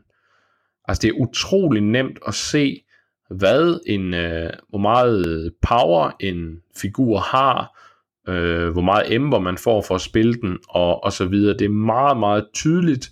Øh, skrifttypen, de har valgt, er meget tydelig at læse. Øh, og, og kortene er sat op, så de er meget let læselige, også selvom de ligger på bordet og så videre. Og det, altså det, det skal de virkelig have ros for. Det er meget, meget nemt at overskue kortene øh, og hvad de gør, øh, bortset fra dem, hvor de så ikke lige har fået skrevet, hvad effekten er. Altså det, det, Jo, jo. Men det, det, det gør, de retter i fremtidige sæt. ja, det gør jo øh, også, at det er nemmere også, når man netop spiller over for hinanden, at modstanderen også kan se, hvad er det for et kort? Så man Ja, ikke skal sidde og præcis. spørge, jamen, hvad spillede du nu, eller hvad gør det kort? At, Ja, lige præcis. Lige at der præcis. bliver lidt mere flow i det. Ja, enig. Øhm, så, så det er sådan overordnet set det, der var til, øh, til komponenterne. Øhm, men, men jeg synes, øh, som sagt, jeg synes, det er et... Når jeg en ting er jeg nødt til lige at nævne, nu vi snakker om spillet. Det er jo unikt. Og et hvert dæk har sit eget unikke navn. Åh oh, ja, selvfølgelig. Og de, de fleste navne er egentlig, øh, er egentlig bare lidt, øh, lidt fjollet. Altså sådan giver ikke nogen mening. Øhm, der er også nogle navne, som er uheldige. øhm, der var blandt andet et, øh, et, et dæk, der hed Titan Flayer, The Farmer of Racism.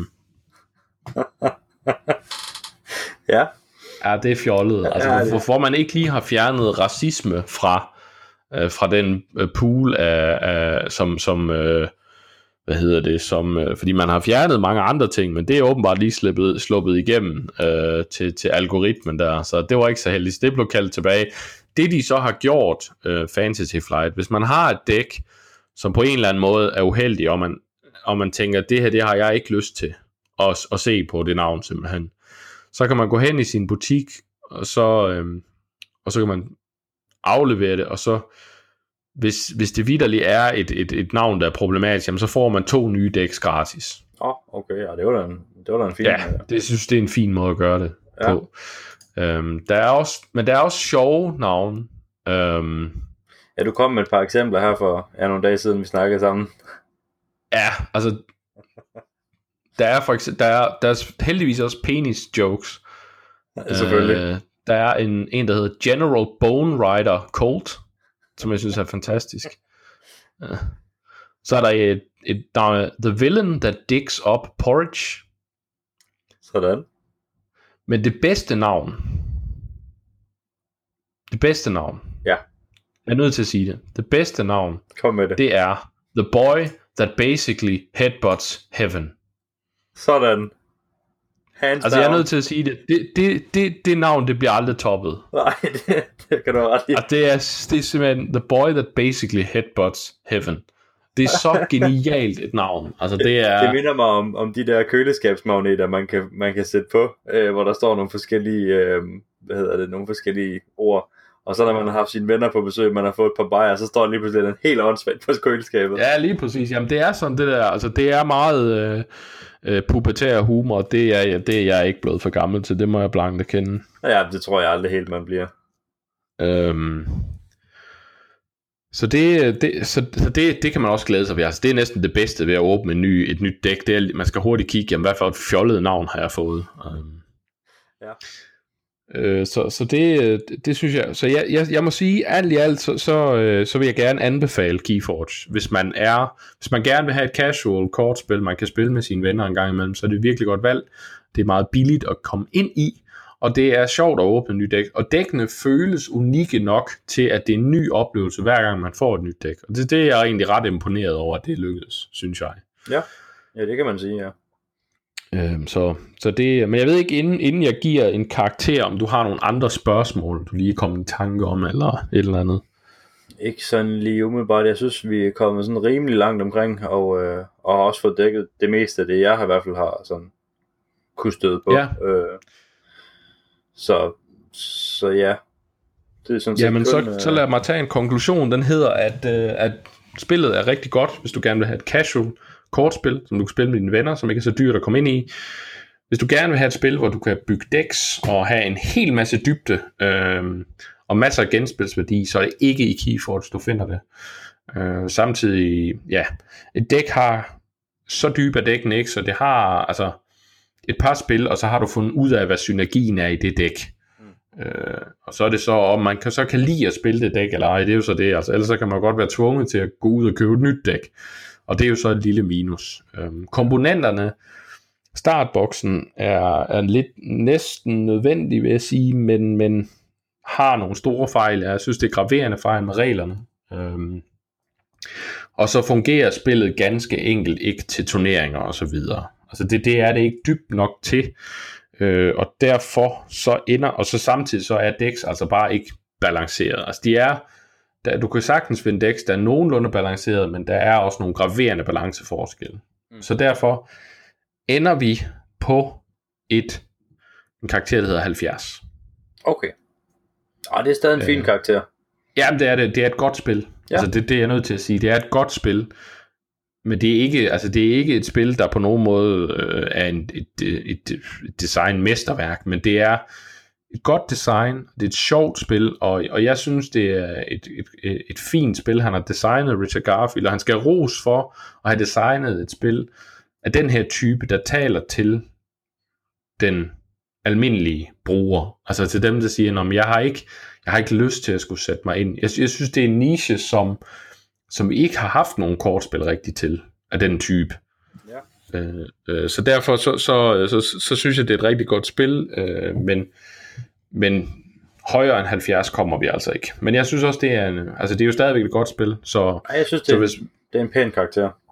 Jeg vil sige, hvis man, hvis man sidder og tænker derude, jeg kunne egentlig godt tænke mig at prøve de her kortspil, ting, de her kampkortspil, eller hvad man kalder dem, men jeg har ikke lyst til at bruge en hel masse penge på det, og jeg gider ikke at sidde og skulle tjekke meta og så videre, jamen så gå ud og købe et, et, et startsæt af uh, Keyforge. Det koster, jeg tror det er 250 kroner. Uh, og der får du altså en del spil for pengene.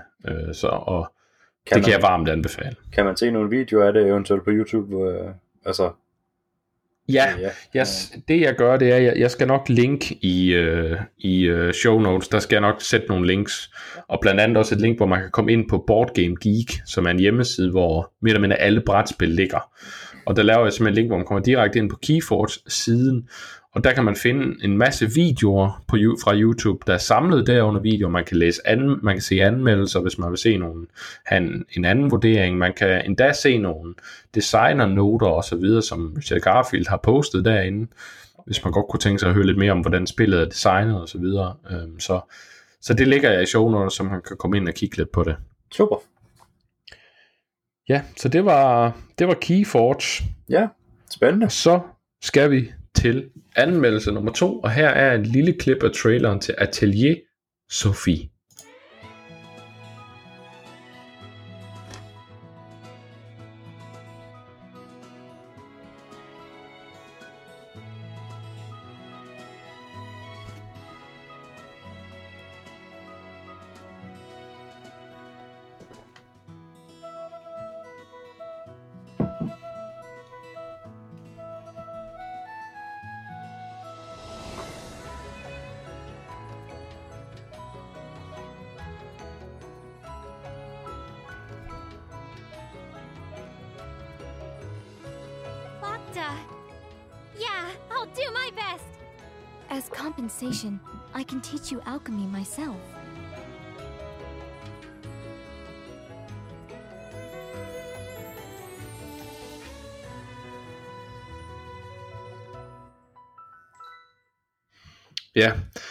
Tænker man måske, det var godt nok meget musik og ikke så meget snak, men grunden til, at jeg har taget det med, den trailer her, det er fordi, at musikken er et af de store punkter, jeg rigtig godt kan lide ved spillet, og det kommer vi ind på senere. Så jeg vil rigtig gerne have, at man kunne høre lidt af det selv.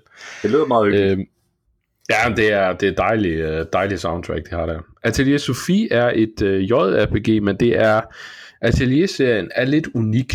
Det er efterhånden en halvgammel serie. Øhm, det der forskellen her, det er, altså i, i, i langt de fleste, ikke bare JRPG, men, men rollespil generelt, jamen der er man jo en eller anden stor held, der skal ud og redde verden, om man vil. Ja. Når man kommer til den sidste boss i en dungeon i et JRPG eller et eller andet, så er der som regel en eller anden shopkeeper placeret midt i dungeon, og der tænker man altid, hvor i alverden kommer han fra? det er mere eller mindre den person, du spiller i Atelier. Nå, okay. Øh, man spiller...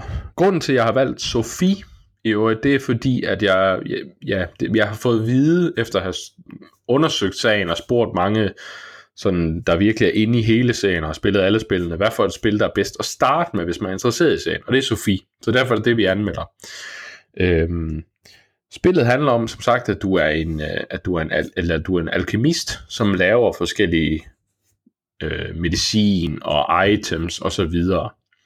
Så crafting-delen er egentlig det, der er mest fokus på i det her spil. Måden spillet foregår på er,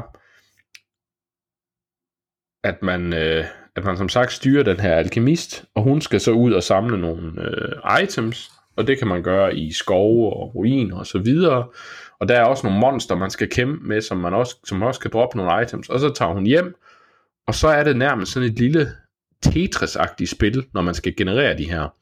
For hvert item har nogle komponenter, og hver komponent er ligesom sådan en, en, en Tetris-brik nærmest. Okay. Og så har man nogle forskellige farver og så videre, et grid, så man skal få dem alle sammen til at passe i.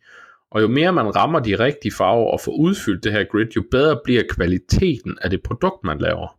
Så det er sådan noget minigame for at, at få lavet noget, altså for at craft. Ja.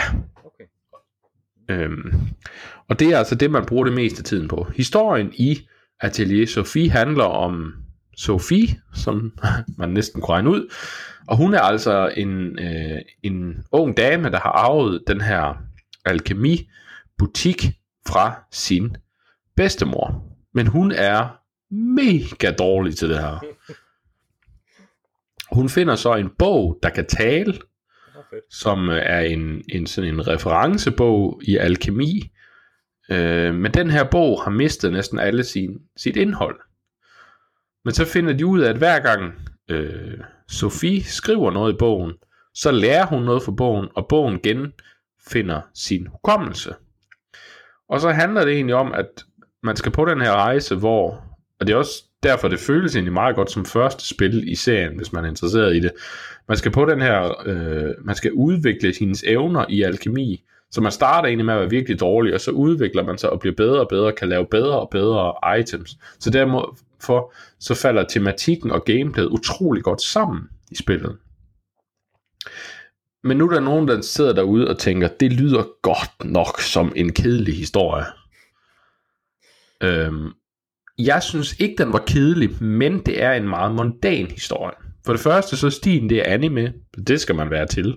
Ja, det, Øhm, men det er en type anime, der hedder Slice of Life. Og Slice of Life anime er sådan noget, hvor det egentlig mere handler om, at man følger protagonisternes dagligdag, og sådan mere mondane ting, de gør, altså går hen og snakker med hinanden, eller øh, ja, men, øh, går på café sammen, og alle sådan nogle ting. ja. Øh, og så er det egentlig mere de små øh, interpersonlige dramaer og, og, og hvordan de ud, karakterudviklingen, der er fokus på, frem for noget større plot. Og det er altså også tilfældet her. Og hvis det ikke er noget, der siger en noget overhovedet, så kan man lige så godt gå en lang bue udenom atelier. Hele atelierserien. Der er nogle få i serien, der handler om, at man skal bekæmpe, øh, man skal redde verden.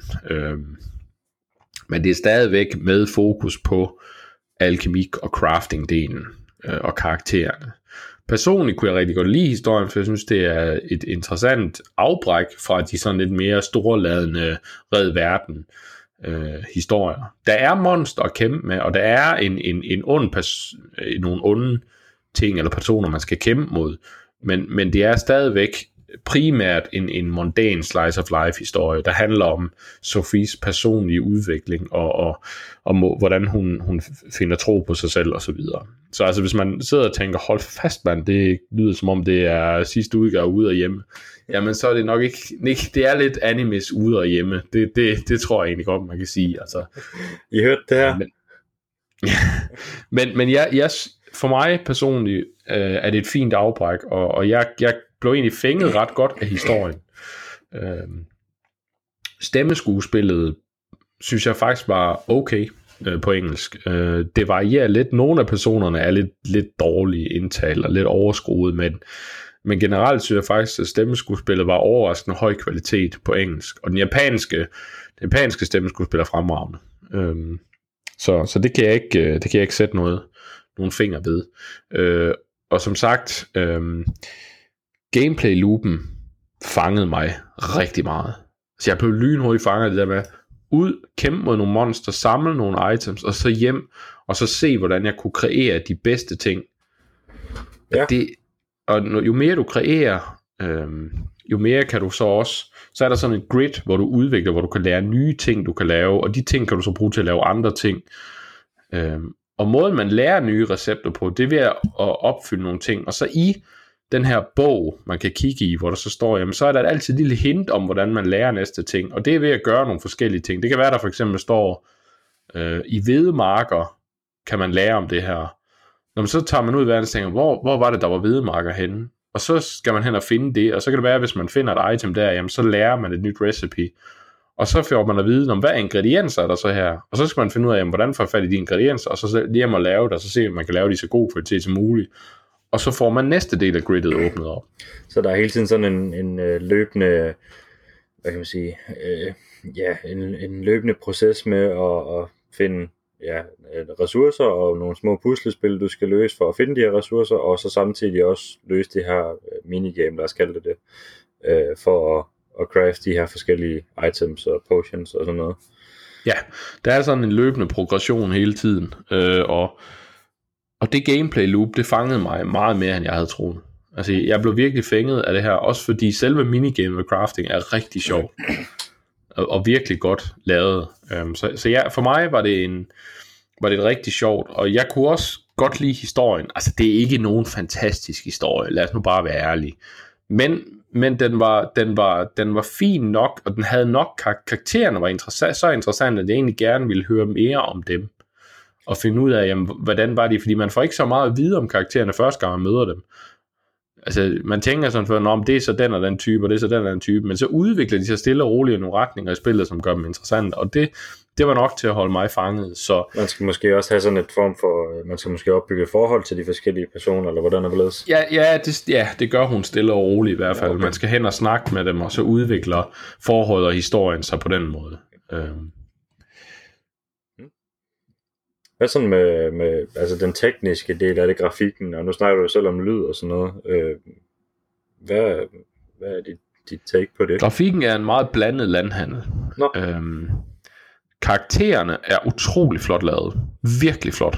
Øh, virkelig flot anime-stil med masser af detaljer og interessante kostymer. Og karakter- øh, men landskaberne er noget af det mest dødkedelige PlayStation 3 grafik, jeg har set i lang tid. Altså det er virkelig, virkelig ikke særlig opfindsomt. Det, det, ja, det, og, det gør altså bare, at der er en voldsom kontrast, når du har de her super detaljerede karakterer, og så mod sådan en, en, en papvæg bag det. Altså det, det, ja, det var, det var meget blandet. Øh, selve performance, altså hvor godt det, det kører fantastisk godt Okay. øh, på Playstation. Der er ikke nogen hak eller noget i det. Øhm, Tror du, tror du angående det med grafikken, tror du det med vilje, de har lavet det sådan, at de simpelthen har valgt at, at jeg ved ikke, ikke at sætte, sætte kræfterne ind, men simpelthen bare vælge at sige, at vi fokuserer ikke så meget på, på baggrunden, eller hvordan? Hvad, hvad det kan godt der? være. Hvis det, hvis det er et bevidst valg, så er det et dumt valg. øhm. Men jeg har set det næste spil, der kommer i titlen, det udkommer i år. Øh, og der er der meget mere detaljer i baggrunden. Nå, så, okay. så det Det virker være- til, at de har fundet, fundet ud af det. Ja, det kunne være, de, synes, det var, de også selv synes, det var et problem. Ja, det tror jeg. Det tror jeg lidt. Øhm, så, så det var lidt en blandet landhandel, men det kører rigtig godt. En ting, jeg skal nævne, det er kameraet, for det er forfærdeligt. Nå. Øh, altså, det, det, jeg, jeg, jeg var også nødt til at lade være med at bevæge kameraet. Øh, Nå, fordi det, nej. det kan kun, altså det bevæger sig, først bevæger sig der imod, at det er reversed fra starten af. Jo, Og så kan man gå ind og slå det fra, men det gør ikke noget. Altså selvom du går ind i indstillinger og vælger den modsatte og siger, øh, øh, slå reversed fra, så ændrer det overhovedet ingenting. okay. Altså, det er et menupunkt i indstillingsmenuen, der ingenting gør. Det er der bare, men der sker ingen forandring. Det er virkelig dårligt lavet, og, og kameraet, det er, altså jeg, var- jeg var ved at blive søsyg de første, den første time, jeg spillede, inden jeg fandt ud af, at kameraet kører så voldsomt snappy, at jeg skulle egentlig bare rende med hende, og så kørte det selv, og så bare lade være med at røre ved den knap, fordi jeg var ved at blive snot fuld af at se på det kamera. Øhm, Hold da op. så det, det, var, det var virkelig træls. Det var ikke noget Øh, plus, kan jeg så forstå. Nej, det var det ikke, og slet ikke, fordi så måden man så bevæger hende på i forhold til det minimap, man har, det er også fuldstændig reversed, så altså det, nej, det, ja, det kørte ikke særlig godt. Nej, Øhm, okay. Men Noget, musikken, der kørte godt. Ja, musikken er fremragende. Det er et helt fænomenalt soundtrack. Ja. Helt fantastisk. Øhm, altså man skal sige, at jeg, jeg er ikke så meget til det der strygermusik og panfløjte og hvad ved jeg. Fair nok, så er det ikke sikkert, at man vil kunne lide soundtracket, men det er et rent musikalsk, er det et utroligt velkomponeret soundtrack, og det er med fuld orkester, og det lyder bravende godt.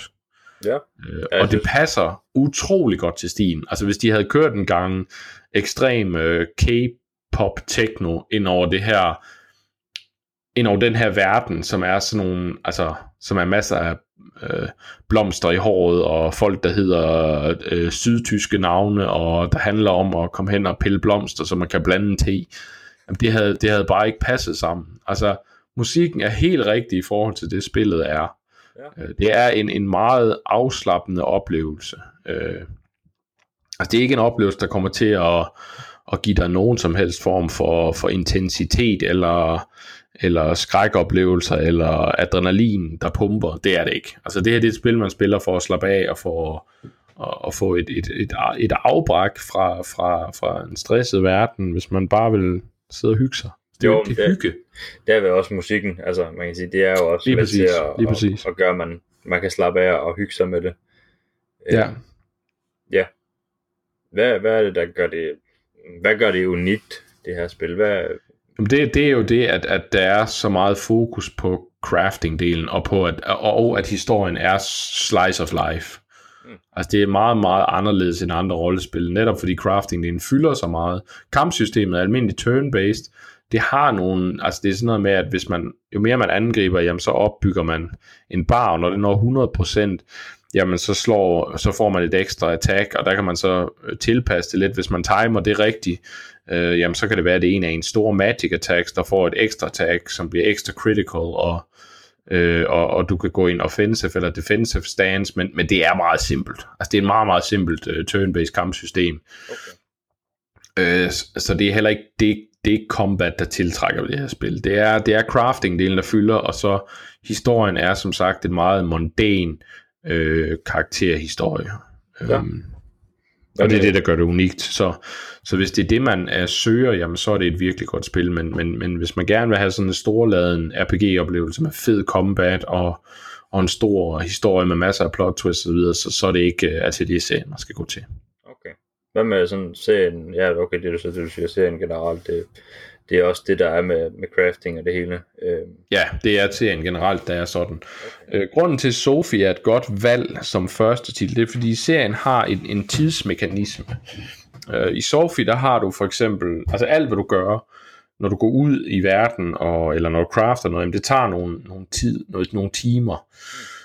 Øh, og hun skal også sove for at genvinde kræfter og så videre. Øhm, og nogle af de øh, quests, man kan tage og sådan noget, jamen der er der en tidsbegrænsning på, hvornår man kan tage dem. Og det der er ved nogle af de andre spil, der er den tidsbegrænsning meget stringent, og den kan faktisk have påvirkning på, hvorvidt du opnår den bedste slutning. Der er forskellige slutninger i spillet.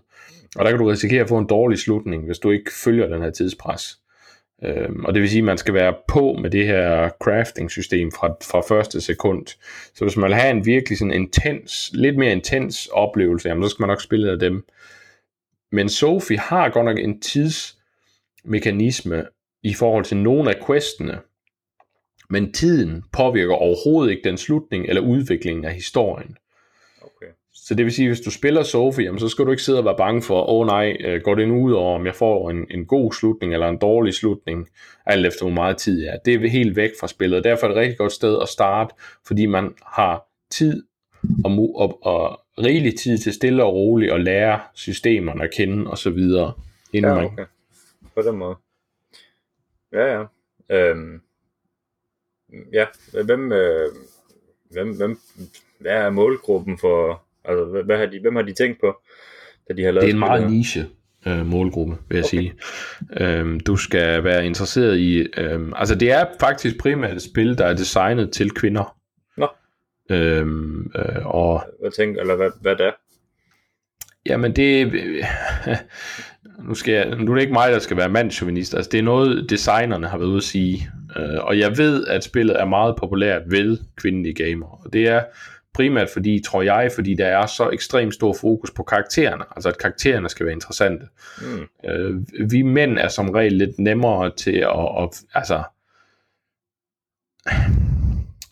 jeg kan rigtig godt lide Geralt fra The Witcher, men han har jo ikke nogen dyb karakter. Altså, øhm, og der tror jeg nogle gange, kvinder måske stiller lidt større krav til, til figurerne. Øhm, og så er det sådan, altså det er lidt Downton Abbey og Pride and Prejudice over måden, de snakker sammen, og der er meget fokus også på øh, roman, romantik og så videre, og øh, stilen er meget, altså deres tøj og sådan noget, jamen det er sådan store kjoler og, og flashy tøj, øh, og, og øh, så, så, så det er, altså det, det har det der lidt Pride and Prejudice, øh, bare i anime-form. Øh, Okay. og derfor, men, men jeg ved, altså, det, jeg ved, at, at det er meget populært ved rigtig mange kvindelige gamer, men det, er, det har også en del mandlige fans. Øh, fordi hvis man er til Slice of Life anime, Mm. og samtidig gerne vil have et, et, et rollespil, jamen så er det det bedste, du kan få. Fordi det er det, er det eneste, der rammer Slice of Life så godt, uden at være en visual novel. Øhm, og så samtidig, altså en ting, jeg så vil kritisere det lidt for, at, at nu, jeg synes, de har holdt kostymer og så videre rigtig godt, men alligevel af en eller anden årsag, så skulle de have bouncy tits med. Øhm, og det, det falder bare sådan lidt uden for resten af, altså det, det, det stikker bare ud, altså, og det virker sådan lidt som om man har proppet i, fordi når, hvis vi skal fange nogle mænd, så må vi hellere have nogle hoppende bryster, og det, det er sådan lidt åndssvagt, synes jeg. Men Ja, det er jo nok ikke lige det, man, man fokuserer på, hvis, hvis det er det, sådan en type spil, man er til. Øh, nej, det er det. Altså, den, den, de, mænd, der vil have det, jamen, altså, de kan få meget mere af det end nogle andre spil. Altså, det, så det, det virker lidt unødvendigt. Øh, men, men hvis man er til, som sagt, til Slice of Life, anime, øh, og gerne vil have et rollespil, der ikke er et visual novel, Øh, eller man godt kunne tænke sig et spil, der fokuserer rigtig meget på at lave crafting interessant, jamen så er det målgruppen, men, men som sagt, altså hvis man, hvis man går ind til det og forventer en klassisk JRPG-oplevelse med, med et øh, dybt kampsystem og en, en storladen historie, jamen så er det ikke det, man får her, og så, så er der ingen grund til at investere i Atelier-serien. Okay. Hvad ligger det i? Sådan nogenlunde. Øh, altså et prisleje, tænker jeg på på. Øh, hvis du køber det på, hvis du køber Atelier Sofie på PlayStation Store, så er du af med 450 kroner. Øh, og det er en meget høj pris, synes jeg, for spillet. Men du kan købe det online flere steder for at lave pris. Jeg købte mit på Amazon, øh, og jeg gav 200 kroner. Og det er en rigtig fin pris for spillet. Ja, det, det lyder okay. Det var bare sådan lige for folkene derude, de sådan kunne. Ja, selvfølgelig. hvad Det er det et godt spørgsmål. Sådan positive tanker generelt om, omkring det. Hvad, hvad tænker du der? øh, de positive ting, hvis man sådan skulle opsummere, det er, crafting-systemet er fantastisk. Ja. Øh, jeg synes, det er en, en, en dejlig alternativ historie, der fokuserer på karaktererne. Jeg kan rigtig godt lide Slice of Life Ja. øh, og anime, så for mig var historien også rigtig fin. Øh, musikken er fænomenal. Det er sådan de positive, jeg har. Ja, hvad med det negative? Der må næsten også være nogen. Øh, det er landskaberne. Øh, det, det er simpelthen det, det er for grimt. Øh, og så er det øh, kameraet er forfærdeligt. Øh, kamerastyringen øh, er rigtig skidt. Og så er altså så må jeg, selvom det er slice of life og så videre, combat system og plot er meget tyndt. Altså, det, det må man sige. Øh, Men det er ikke et stort minus, men det er et lille minus, vil jeg sige. Ja, ja. ja. Jamen, så er det jo sådan set kun... Så det, kommer vi ned til det sidste, som er vores karakter. Hvad, hvad tænker du der? Hvad er vi ude i? Det slutter på en 75. Nå, okay, alligevel. Ja, øhm, og det er nok også lidt fordi, det, jeg rammer lige i den niche, der godt kan lide det her spil. Øh, Det, det ramte mig, det var, det var en type spil, det det, det, det, det det sætter ud for at gøre, det gør det i store træk rigtig godt. Øh, havde de landet landskaber og kamerastyring bedre, jamen så havde vi også været højere Okay. men landskaberne er så grimme, og kamerastyring så dårligt, og kampsystemet så ordinært, at det trækker det ned fra en helt stor karakter. Men, men det kommer alligevel op på 75, for det, det gør, gør, gør godt, det gør det rigtig godt. Okay. Så det vil sige, at vi, vi kan forvente, at, at der kommer en anmeldelse på den næste i serien, som forhåbentlig er bedre med de ting, som du snakker om her. Øh, ja, altså hvis vi får det tilsendt øh, fra øh, udvikleren, så, øh, så tager jeg i hvert fald an med det. Det er helt sikkert. Jeg, jeg, jeg har øh, forelsket mig i serien. Det har jeg. jamen, øh, så ved I det. Det er, ja. hvis, hvis det er noget for jer, så, så kan Anders anbefale det. Ja, altså som sagt, man, man skal... Jeg, jeg håber, jeg har sådan forklaret dybtgående nok, hvad det her spil handler om, øh, så, man, så man også forstår, hvor, hvornår det ikke er et spil for en. Fordi det er som sagt, øh, det er et nichespil, det må man sige. Øh, mm. Så, men, ja, men hvis, man, hvis man synes, det lyder godt, nogle af de ting, jeg har nævnt, jamen, så tag og giv det en chance. Det synes jeg bestemt, man skal. Det kan jeg varmt anbefale. Og man kan jeg blev rigtig glad for det, og jeg blev rigtig glad for det loop. Altså, jeg er svært ved at slippe det igen. Så, ja. ja. Og man kan selvfølgelig også gå ind og se, uh, se YouTube-videoer af det på samme måde. Uh, der kommer vel også et link i... Uh, ja. Ja, jeg sætter et link til noget gameplay og så videre. Så. Yes, yes. Det er jo bare, så man lige kan gå ind og, og se lidt, ja, hvad det handler om. Enig, enig. Jeg laver også, øh, som noget nyt, så laver jeg sådan nogle små øh, tidsstempler, hvor man lige kan se øh, øh, de forskellige, de to spil, hvornår man, så hvis man sidder og siger, at det der i fremtiden brætspil interesserer mig ikke, så kan man se, hvad for nogle spil, der interesserer en, så kan man vælge det, eller hvis man kun vil høre om brætspil, så kan man vælge det. Så. Jeg tror, det var det, Joachim. Ja, det tænker jeg også. Jeg synes, vi har fået rundet det godt af. Og vi vender jo så ikke tilbage næste uge. Uh, vi vender tilbage ugen efter, og kommer til at køre hver 14. dag fra nu af. Og fra nu af altså også med brætspilanmeldelser oven i vores øh, konsol- og PC-anmeldelser, hvad vi ellers dækker af emner. Ja, øhm, med mindre Bethesda, de går helt amok og kommer ud med en hel masse, så laver vi en næste uge også. Ja, ja, jo, jo, så skal vi nok være der. Øhm, gå ind på joypad.dk og læs øh, de anmeldelser, der ligger derinde. Som sagt, der kommer en ny Super Mario Bros. Øh, Spyro kommer her i weekenden, og på et eller andet tidspunkt, der kommer der også, i næste uge kommer der Cuba Libre, og på et eller andet tidspunkt kommer Joachims Just Cause også ja. derinde. Øhm, Sådan inden den, ja. for den nærmeste fremtid. Ja. Og så nævner jeg lige igen, og det er ikke noget, vi kommer til at nævne hver gang, men jeg nævner lige i dag igen, at I kan gå ind på tier.dk og søge efter Joy Pod, og så hvis I har lyst til at støtte os, fordi som sagt, vi vil ikke, vi vil ikke have reklamer i det her podcast. Det, det, det synes vi ikke, vi skal spille jeres tid med. Hvis I har lyst til at støtte os, så kan I gå ind på tier.dk og søge efter Joypod, og der kan I give helt ned til en femmer per episode, der kommer ud. Og det er alt sammen noget, der hjælper. Det er ikke helt gratis at køre sådan en podcast her. Øh, alt fra musik og så videre koster altså penge, men, men, men vi gør det gerne, og vi, vi kommer aldrig til at forlange penge for det her. Altså det er kun, hvis I har lyst, så I giver det. Og ellers, så vil det også være en stor hjælp, hvis I samtidig med, eller i stedet for at vi gå ind på iTunes og give os en god anmeldelse, øh, så kommer vi op i ranks og får, får mere spotlight på. Øh, samtidig så synes jeg, I skal gå ind på Joypads Facebook-side, eller ind på Twitter og finde os. Øhm, så kan I øh, skrive et spørgsmål til, eller I kan gå ind på joypod.simplecast.fm, og der kan I gå ind og finde ud af, hvordan I der kan I se vores Twitter-handles og så videre, og der kan I finde ud af, hvordan I skriver til os. Vi vil rigtig gerne høre fra jer, og hvis I har et spørgsmål generelt til gaming også, øh, eller noget I gerne vil sige, jamen, så skal vi også nok øh, vende det på næste episode, så tager vi det med. Ja, vi vil meget gerne have sådan en, øh, sådan en lytter-session, hvis man kan kalde det det, øh, hvor vi kan tage nogle spørgsmål op, øh, I eventuelt skriver ind. Det, det, kunne være, det kunne være super fedt, også for ja. at høre fra jer derude. Øh, nu går det sådan kun lidt den ene vej her, øh, så, så det kunne være fedt at høre fra jer. Så skriv endelig til os. Ja, enig, enig. Og det, øh, det var sådan set det hele. Øh, næste gang vi kommer tilbage, øh, med mindre Bethesda går helt amok, så bliver det som sagt om 14 dage. Og øh, hvad vi lige kommer til at snakke om der, det har vi faktisk ikke helt besluttet os for endnu. Øh, så det er lidt en overraskelse. Jeg tror, måske det kunne blive noget Fortnite. Ja. Måske. Vi lader den hænge lidt åben. Det er en cliffhanger. Så, øh, ja. så lyt med næste ja. gang. Lyt med næste gang.